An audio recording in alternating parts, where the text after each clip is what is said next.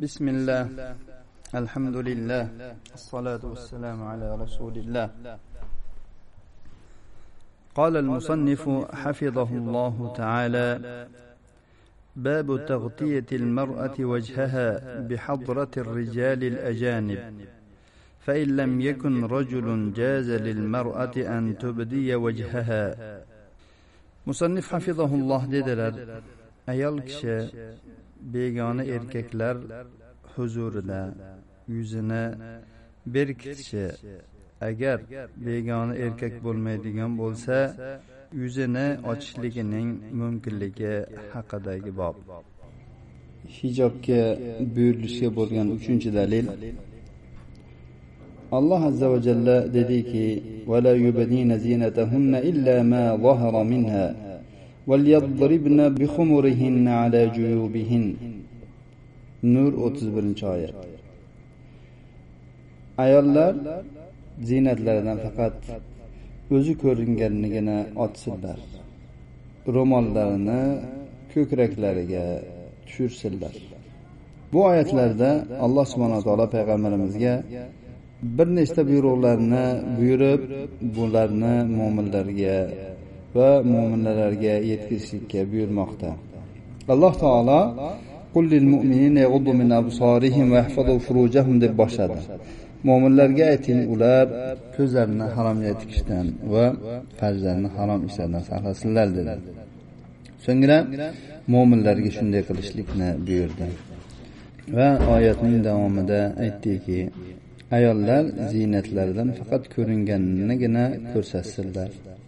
Va ro'mollarini yopsinlar. Buning davomida ziynatlarni faqat erlariga otalariga va hokazolarga deb ya'ni bayonini keltirib aytdi kimlarga ko'rsatish mumkinligini. Alloh taolo bu oyatlarda ziynatni ko'rsatishdan ayollarni qaytardi va bu qaytarig'idan ziynatdan zohir bo'lganligini mustasno qildi ajratdi. Zohir bo'lgan degan so'z ustida ikki xil ma'no aytilgan. Bu juda ham mashhur so'zlar. Birinchi ma'no shuki minha ya'ni qasdsiz ochilib qolgan narsalar. Ixtiyorsiz ayolning ixtiyorisiz. Bu ochilib qolgan narsa bo'ladi. Masalan yopinchig'i tushib ketdi. Yoki ochilib ketdi. Shamol uni ko'tarib yubordi va shunga o'xshagan holatlar. Bunda u uni o'z ixtiyori bilan ochgan emas uning ixtiyorisiz ochilgan yoki yashirish mumkin bo'lmagan masalan zohiriy kiyimlar. Kiyimlarini ustini ziynatli bo'lsa yashirib bo'lmasa mana shu narsalar maqsad qilingan deyilgan. Ikkinchi so'z maqsad bu yuz va ikki kaftdir. Va bu ikkisiga taalluqli bo'lgan narsalar. Masalan xina bo'lsin sirg'a bo'lsin ko'zga qo'yilgan surma bo'lsin bilaklardagi shu bilak uzuklar bo'lsin. Shu narsalar kiradi shu mazahara minhoga kiradi deyilgan. Arab tilida ma'lumki zahara degani abhara degani emas. Bu ikkovini o'rtasida farqi bor. Ziynatdan zohir bo'lganlari ya'ni o'zi zohir bo'lganidir. Ya'ni o'zi zohir bo'ladi. Uni birov ya'ni ochgan bo'lmaydi. Yuz kaf o'zidan o'zi ochilib qolmaydi. Faqat uni ayol kishi ochsagina ochiladi. Birinchi so'z ya'ni kuchliroq va to'g'riroqdir. Chunki arab tili ham shunga dalolat qilmoqda. Oyatning ma'nosi shuki ayollar ziynatni ochishdan qaytarildilar. Lekin bu ziynatlardan ayolning ixtiyorisiz yuqorida aytib o'tganimizdek ixtiyorsiz ochilib qolgan narsa bunga kirmaydi. Man qilingan narsadan mustasno. Alloh subhanava taolo ayol kishi o'z ixtiyori bilan o'z irodasi bilan ziynatni ko'rsatishi haqida so'zlagan paytda alloh taolo aytdiki ziynatlarni faqat erlariga ko'rsatsinlar yubdina bu yerda ziynatni ko'rsatish ayol kishining ixtiyori bilan bo'lyapti uning irodasi bilan bo'lyapti. Chunki bu ayol qilyapti buni. Ayol o'zi ko'rinyapti eriga yoki haligi mahramlariga. Shuning uchun ham bu yerdagi ko'rsatish er va mahramlarga qayd qilindi. Ayol kishi o'z ziynatini o'z ixtiyori bilan shu oyatda kelgan mahramlariga ko'rsatishi mumkin. Ular er ota o'g'illar va oyatda kelgan boshqa odamlar. Oyat ziynatni ko'rsatishni o'shalarga cheklab qo'ydi. Ya'ni ayol kishi badanidan biror joyini bulardan boshqa begonalarga ko'rsatishi mumkin emas yuzini ham kaftini ham va boshqa joylarini ham. Bunga ushbu ma'noni alloh taolo oyatni ichida oyat asnosida yana istisno qilib ajratib qo'ygan ikki toifa odamning kelishi ham bu oyatni yana ham ochiqlab beradi shu ma'noni. Ya'ni e, ziynat o'rinlari yuzlarni ko'rish yuzlarni to'sish yoki ko'rsatish ekanligini shu quyidagi ikki istisno ham quvvatli ediki birinchisi erkaklardan shahvat yo'q kishilar. ulil irba deyildi. ya'ni shahvat yo'q erkaklarga ko'rsatishga ruxsat berildi. chunki ular ayollarda ularni hech qanday rag'bati yo'q. ikkinchi toifa bu hali bu ayollarni avratini farqiga yetmaydigan yosh bolalar. ular bu avratga qarasa nima bo'ladi? ya'ni uni u farqiga bormaydi. bularni ham istisno qilindi demak bu ikki sinf ayol kishini ziynatini ko'rgan paytda ularda hech qanday bir ta'sirlanish ularda bir o'zgarish paydo bo'lmaydi. Shuning uchun ham ularga ziynatlarni ko'rsatish joiz bo'ldi. Demak bu tadbirlarning hammasi ayol kishini ziynatlarini ko'rsatishdan man qilishlikning hammasidan bo'lgan maqsad bu erkak va ayol o'rtasidagi sodir bo'ladigan fitnani man qilish edi. Va shundan ko'rinyaptiki ayol kishi yuzini to'sishi matlubdir. Chunki bu jamolning butun ayol kishining jamolini eng jamlangan joyidir va ayol kishini eng fitnalantiradigan joylardan biridir. Ya'ni ana bo'lyaptiki ayol kishi yuzini to'sishi matlub shar'an chunki bu ayolning eng go'zal joyi ayolning go'zalligini ajratib beradigan joyi yuzi va eng ko'p erkaklar ya'ni fitnalanadigan joy ham ayol kishining yuzidir.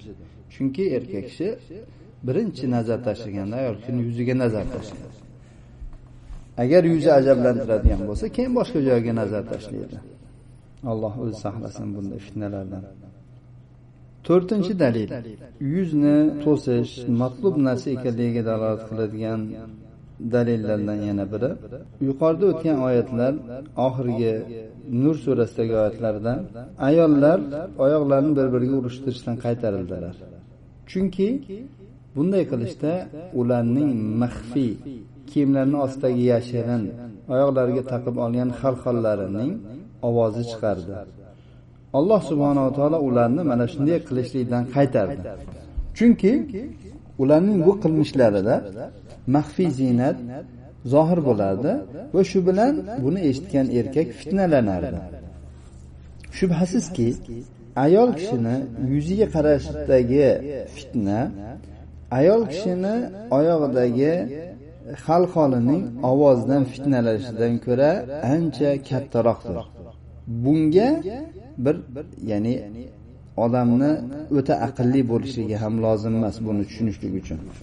Va shubhasizki ayol kishining yuzi uni eng go'zal joyidir. Ya'ni ayol kishini butun husnini jamlaydigan joy yuzidir. Va erkaklar ham ayol kishini yuziga qaraydilar. Ayol kishini yuziga qarash bilan hosil bo'lgan fitna uning boshqa joyiga qarash bilan bo'lgan fitnadan ko'ra ko'proq va kattaroqdir. So'ngra oyatning siyoqi ayollar xalxol ya'ni xalxol o'rnini ko'rsatishdan man qilingan ekanligiga dalolat qilyapti. Agar uni ko'rsatish joiz bo'lganda ular bu xalq hollarni bildirishlik uchun oyoqlarini oyoqlariga urishtirishga ehtiyojlari qolmagan bo'lardi o'zi ko'rinadigan bo'lganda buni urishtirib oyog'ini bir biriga urishtirib uni eshittirib o'tirishmas edi. Demak o'sha xalqol o'rnini ko'rsatish mumkin emas yana dalolat qilyaptiki oyoqlarni hammasini satr qilish ya'ni oyoqni ham uchigacha satr qilish bu ayollardan talab qilingan ishdir. U oyog'ini biror joyini ko'rsatishi mumkin emas. Bunga ummu salama roziyallohu anhoning hadislari dalolat qiladiki rasululloh sollallohu alayhi vasallam aytdilar kim kiyimini mutakabbirlik bilan sudrab yuradigan bo'lsa alloh taolo unga qaramaydi dedilar. Shunda ummu salama onamiz so'radilarki ey rasululloh unda ayollar etaklarini nima qiladilar? Rasululloh sollallohu alayhi vasallam aytdilarki bir qarich sudrab yuradilar. Aytdilarki unda oyoqlari ochilib qoladi.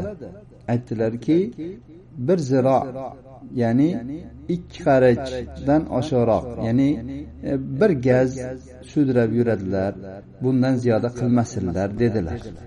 Ya'ni rasululloh sollallohu alayhi vasallam ayol kishilarni shu oyoqlari ochilib qolmasligi uchun ko'rinib qolmasligi uchun kiyimni sudrab yurishdan man qilgan o'rinlarda ayollarga bir gaz miqdorida kiyimlarni sudrab yurishga ruxsat berdilar.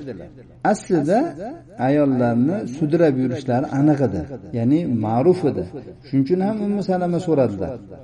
Ya'ni bular endi nima qilishadi etaklarini endi ularni etaklari bundan ham uzun bo'lgan. Bundan ham uzun qilib ya'ni e, umuman ya'ni sudrab yurishgan maqsad umuman oyoqlari yurgan paytda ham ko'rinmasin shunda rasululloh sollallohu alayhi vasallam bir qarich deganlarida ochilib qolishligini aytganlarida mayli bir ziro bir gaz e, sudrab yursinlar dedilar. Ayol ayol kishini oyog'ini ochish joiz bo'lganda rasululloh sollallohu alayhi vasallam ha ochsa ochib yuraversin deb qo'yardilar. Lekin bir gazgacha sudrab yurishga ruxsat berdilar. Toki ayollarni oyoqlari ochilmasin. Qani bir o'ylab ko'raylik.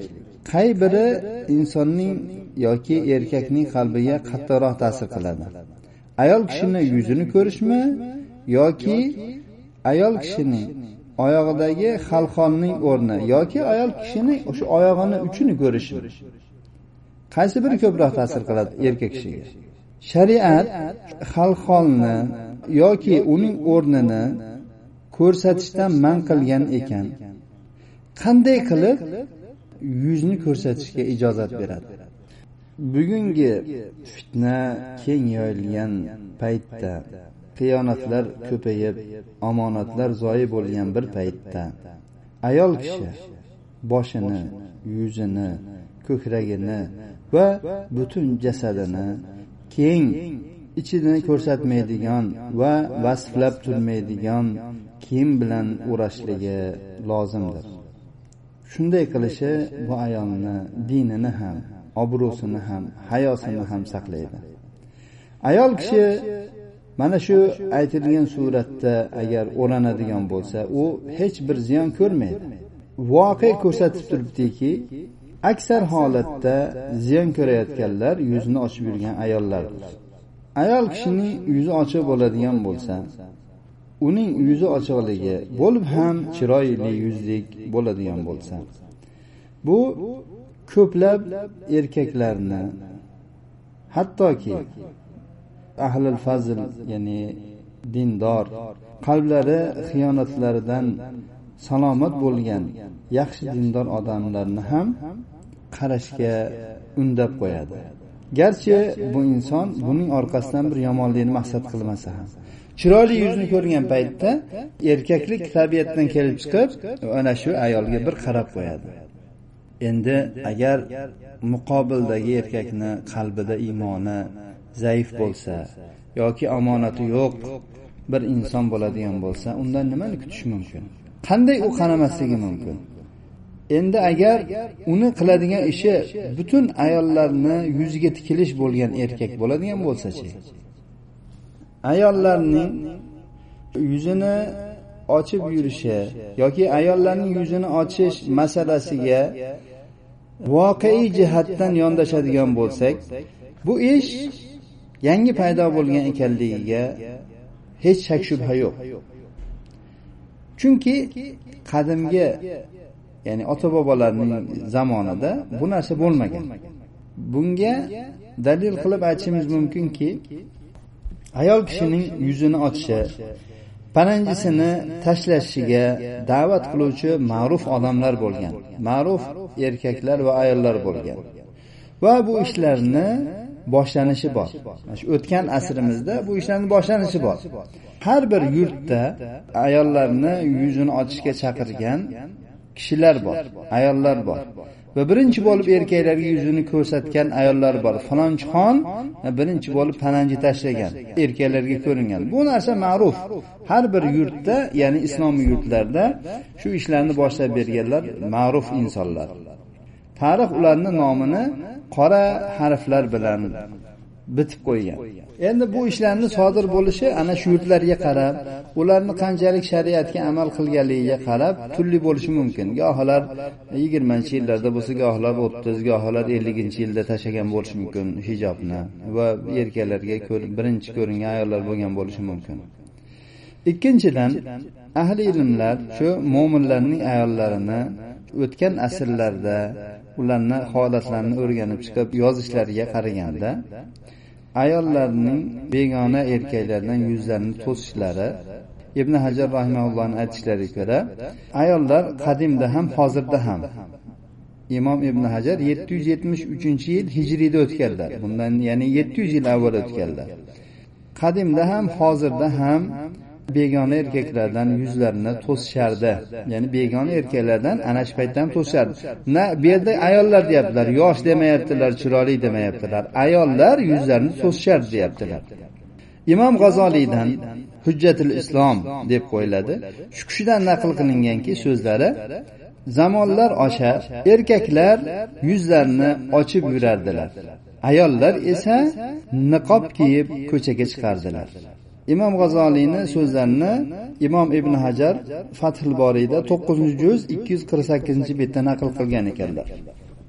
Bu aytib o'tganlarimiz ayol kishi ehromda bo'lmaydigan bo'lsa balki ehromda bo'lsa ham begona erkaklardan yuzini to'sishligi haqida edi. Bu xususda juda ham keng shu tafsir kitoblaridan naqllar bilan batafsilroq keltirildi. Ya'ni e, ayollar o'ylashib qolmasinki yoki ayollarni yuzini ochish kerak deb da'vat qilayotgan ulamolar ham bilishsinki bu narsa yuzini ochib yurishga ittifoq qilingan narsa emas. Endi biz quyida hadisdan tushunilgan bir ma'no haqida bir tanbeh keltirib o'tmoqchimiz. Ba'zi bir odamlar bu hadisdan ha demak ihromdagi ayol yuzini ochishi vojib ekan. Yuzi bilan kaftini ochib yurishi vojib ekan deb ularni ya'ni begona erkaklardan to'smaydi ekan deb tushunib qolishi mumkin. Chunki bu hadisda ayol kishi niqob va ikki qo'lqop kiyishdan qaytarilyapti. Lekin ayollarni qo'lqop kiyish va yuzini niqoblashdan man qilish begona erkaklardan niqobdan boshqa narsa bilan ya'ni to'sinish joiz ekanligini anglatmaydi. Ya'ni ayol kishi niqob kiyishdan qaytarilgan ekan demak ayol kishi ehrom kiygan paytida niqob ishlatmaydi. Lekin ahli ilmlar aytganidek ro'molni e, boshini tepasidan yuziga tushirishi mumkin. Niqob degan o'zi aslida shu yuzga moslab tikilgan ikkita ko'z ko'rinib turadigan bir matoga aytiladi. Modomiki u ayol ishlatayotgan narsa ana shu shaklda bo'lmaydigan bo'lsa ro'molni yuqoridan tashlab oladigan bo'lsa bu narsa bo'laveradi. Erkaklar ham ehrom paytida ya'ni ehromdalik paytida ishton kiyishdan qaytarilgan. Ayni hadisda qaytarilgan. Bu degani endi erkak kishi ishton kiyishdan qaytarilibdi. Endi ochib yurish kerak o'sha o'rinlarni degan ma'no tushunilmaydi. Ha bu erkak kishi boshqa narsa bilan u yerni bekitishga ma'mur ya'ni izor bilan berkitadi. Ochib yurmaydi u avrat joyini. Shunday ekan ayol kishi ham niqob kiyishdan man qilingan lekin u ro'mol bilan yuzini berkitishdan man qilingan emas. Qachonki erkaklar hozir bo'lib qolgan yoki begona erkaklarga ro'baro bo'lingan paytda shu ehtiyoj bo'lgan paytda ayol kishi ro'molni tushirib yuzini to'sishi mumkin. Bu haqda oysha onamizdan mashhur hadis rivoyat qilingan. Buni ko'pchilik biladi. Aytadilarki shu ehromdalik paytlarimizda rasululloh sollallohu alayhi vasallam bilan birga bo'lganimizda erkaklar o'tib qoladigan bo'lsa bizning ro'paramizga kelgan paytda bizdan birimiz yopinchig'ini boshidan yuziga tushirib olardi. O'tib ketishgach yuzlarimizni ochib olardik deganlar. Yana bir asarda keladiki fotima bintil mundir asmo roziyallohu anhuning nevaralari. Asmo onamizdan rivoyat qilib aytadilarki biz erkaklar bilan bo'lganimizda yuzlarimizni o'rardik. Oysha roziyallohu anhudan rivoyat qilinadi dedilarki ehromdagi ayol xohlagan kiyimini kiyaveradi. Faqat zafaron bilan bo'yalgan kiyimni kiymaydi. Va burqo taqmaydi. Burqo ya'ni shu yuzga to'sadigan bir nav narsa yuzni to'sadigan. Va yuzini niqoblamaydi ham deganlar. Balki kiyimini boshini ustidan yuziga agar xohlasa tushirib oladi deganlar. Agar xohlasa dedilar. Said ibn mansur oysha onamizdan rivoyat qilganlar aytganlarki ayol kishi yopinchig'ini boshining ustidan yuziga tushirib oladi. Ibn hajar aytadilarki ibn munzir dedilar ayol kishi tikilgan hamma narsani kiyaveradi mahslarni ham kiyaveradi boshini ham o'rashi mumkin sochini ham o'raydi faqat yuzini o'ramaydi. Unga shu boshidan bir yengil bir e, matoni tashlab oladi. Shu bilan begona erkaklardan yuzini to'sadi. Yuzini ya'ni mahkam o'rab olmaydi deganlar. Faqat fotima bintil munzirdan rivoyat qilingan asarda aytganlarki asarda aytganlarki biz ehromdalik paytimizda asmo binti abi bakr bilan bo'lganimizda yuzlarimizni o'rab olardik deganlar. Ya'ni o'rab olardik. Endi bu degani o'rab olishdan maqsad shu tashlab olish bo'lishi ham mumkin. Oysha roziyallohu anhodan rivoyat qilingandek biz rasululloh sollallohu alayhi vasallam bilan birga bo'lardik va shu erkaklar o'tib qoladigan bo'lsa yuzimizga tashlab olardi deganlar. Lekin bu tashlab olishni ehromdagi ayol shunday qilib yuziga bir maton tashlab olishi vojibmi yoki vojib emasmi degan masala bor. Bu ibn hajarni gapi bo'lyapti bu yerda. Yuqoridagi dalillardan kelib chiqib aytadigan bo'lsak uni shunday qilishligi mashru ya'ni shunday qilishi shariatda bor unga shu hukm bor. Lekin bu unga farz emas. Farz emasligiga oysha onamizning asari dalolat qiladiki imom bayhaqiy rivoyat qilgan unda aytganlarki agar xohlasa yuziga bir mato tashlab oladi deganlar ya'ni yuz boshidan osiltirib oladi deganlar tashlab oladi deganlar. Bu yerda shu tashlab olishni u ayolning ixtiyoriga bog'lab qo'ydilar. Agar unga vojib bo'lganda farz bo'lganda bunday deb ixtiyoriga bog'lab qo'ymasdilar. Ibn abdulbar aytadilarki musulmon ulamolarning jumhurlarning qavliga ko'ra bu sahobalardan tobeinlardan va ulardan keyingi butun e, yurtlarning e, faqihlarini so'zlariga ko'ra ehromdagi ayolni niqob taqishligi yoki burqo taqishligining makruhligida hech qanday ixtilof yo'q ulamolar o'rtasida. Faqatgina asmo binti abi bakrdan rivoyat qilingan e, asarda asmo bint abi bakr ehrom holatida yuzini o'rardilar oysha onamizdan ehromdagi ayol xohlasa yuzini o'rashligi haqida asar vorid bo'lgan. Deb ibn bar shu asarlarni keltiryaptilar va so'zlarining davomida aytyaptilarki ulamolar o'rtasida ehromdagi ayol kishi uchun ko'ylak kiyishi mahs kiyishi servollar kiyishi va boshqa ya'ni xushbo'y tegmagan kiyimlar kiyishi mumkin ekanligi va bu xususda erkaklarga o'xshamasligi ma'rufdir. Hech qanday xilof yo'qdir bu masalada. Va ulamolar ayol kishining ehromi boshida emas faqat yuzda ekanligiga ijmo qilganlar. U boshini o'raydi sochini o'raydi ayol kishi demak e, shu ehrom holatida boshini ham sochini ham o'raydi deb o'rashligiga ittifoq qilganlar. Ular ayol kishining ehromi yuzda ekanligi ayol kishi boshini va sochini o'rashligiga ijmo qilganlar va yana e, ayol kishi boshining tepasidan bir matoni osiltirib yengil matoni osiltirib tushirib olishligi joiz ekanligiga ijmo qilganlar. Bu bilan ayol kishi begona erkaklardan yuzini to'sadi. Ular ayol kishiga ehromdalik holatida yuzini mahkam o'rab olishiga ijozat bermaganlar. Faqat bu xususda ismodan zikr qilingan narsa bor xolos. Imom molik hishom urvadan u fotima binti munzirdan rivoyat qiladi. Aytadilarki biz asmo bint abi bakr bilan bo'lganimizda ehromdaligimizda yuzlarimizni o'rardik. Imom molik shu ayol kishiga nisbatan ehromdaligida bir kengchilikni qilardiki agar xohlasa boshidan bir matoni tashlab yuzini o'rashi mumkin derdilar. Yuqorida hozir aytilgan yuzimizni o'rardik deb ya'ni fotima bintil muzirni so'zlarini ikki xil tushunish mumkin.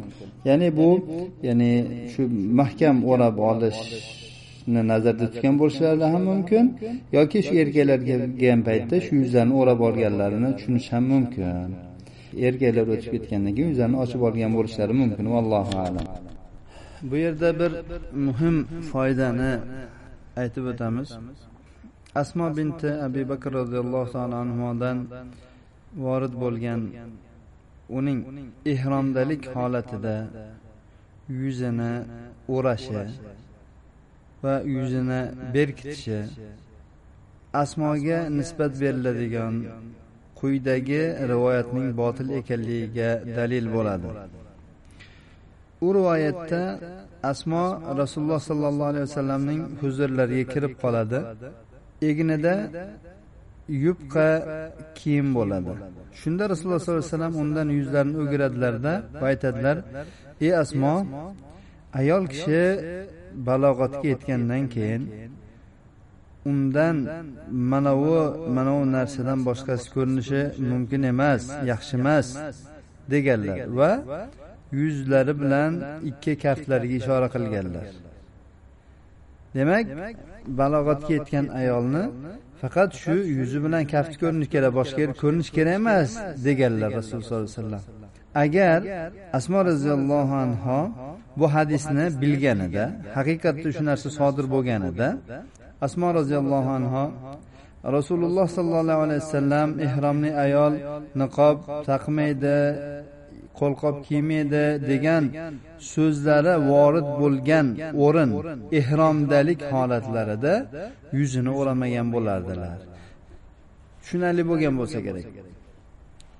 Asmo roziyallohu anhodan deb rivoyat qilinadi. Shu rasululloh sollallohu alayhi vasallam uni yupqaloq kiyimda ko'rib qolganlarida balog'atga yetgan ayolni faqat yuzi bilan qo'li ko'rinishi kerak xolos deganlar. Endi bu hodisa asmoga ro'y beradigan bo'lsa bu narsa hech eslaridan chiqmaydi. Demak ular bilishlari kerakki ayol kishi yuzni ochsa bo'laveradi. Nimaga endi shu bilimga ega bo'lgan ayol? Ehromdaki rasululloh sollallohu alayhi vasallam yuzini o'ramasin deganda yuzini o'rayaptilar. Modomiki ular yuzni o'rabdilarmi demak bu avvalgi aytilgan hadis botilligi ishora bo'lindi allohu alam. Taban bu foyda musannifning foydalari. Ushbu o'qib o'rgangan hadisimiz bir necha foyda va ahkomlarga dalolat qildi. Ulardan birinchisi umra yoki haj qilish uchun ehromga kirgan ayol niqob tutishi va qo'lqop kiyishi mumkin emas. ikkinchi foyda ehromdagi ayol uchun yuzini va qo'llarini niqob yoki qo'lqoplarsiz to'ssa bo'ladi. ularni masalan boshqa biror kiyim bilan to'ssa bo'ladi.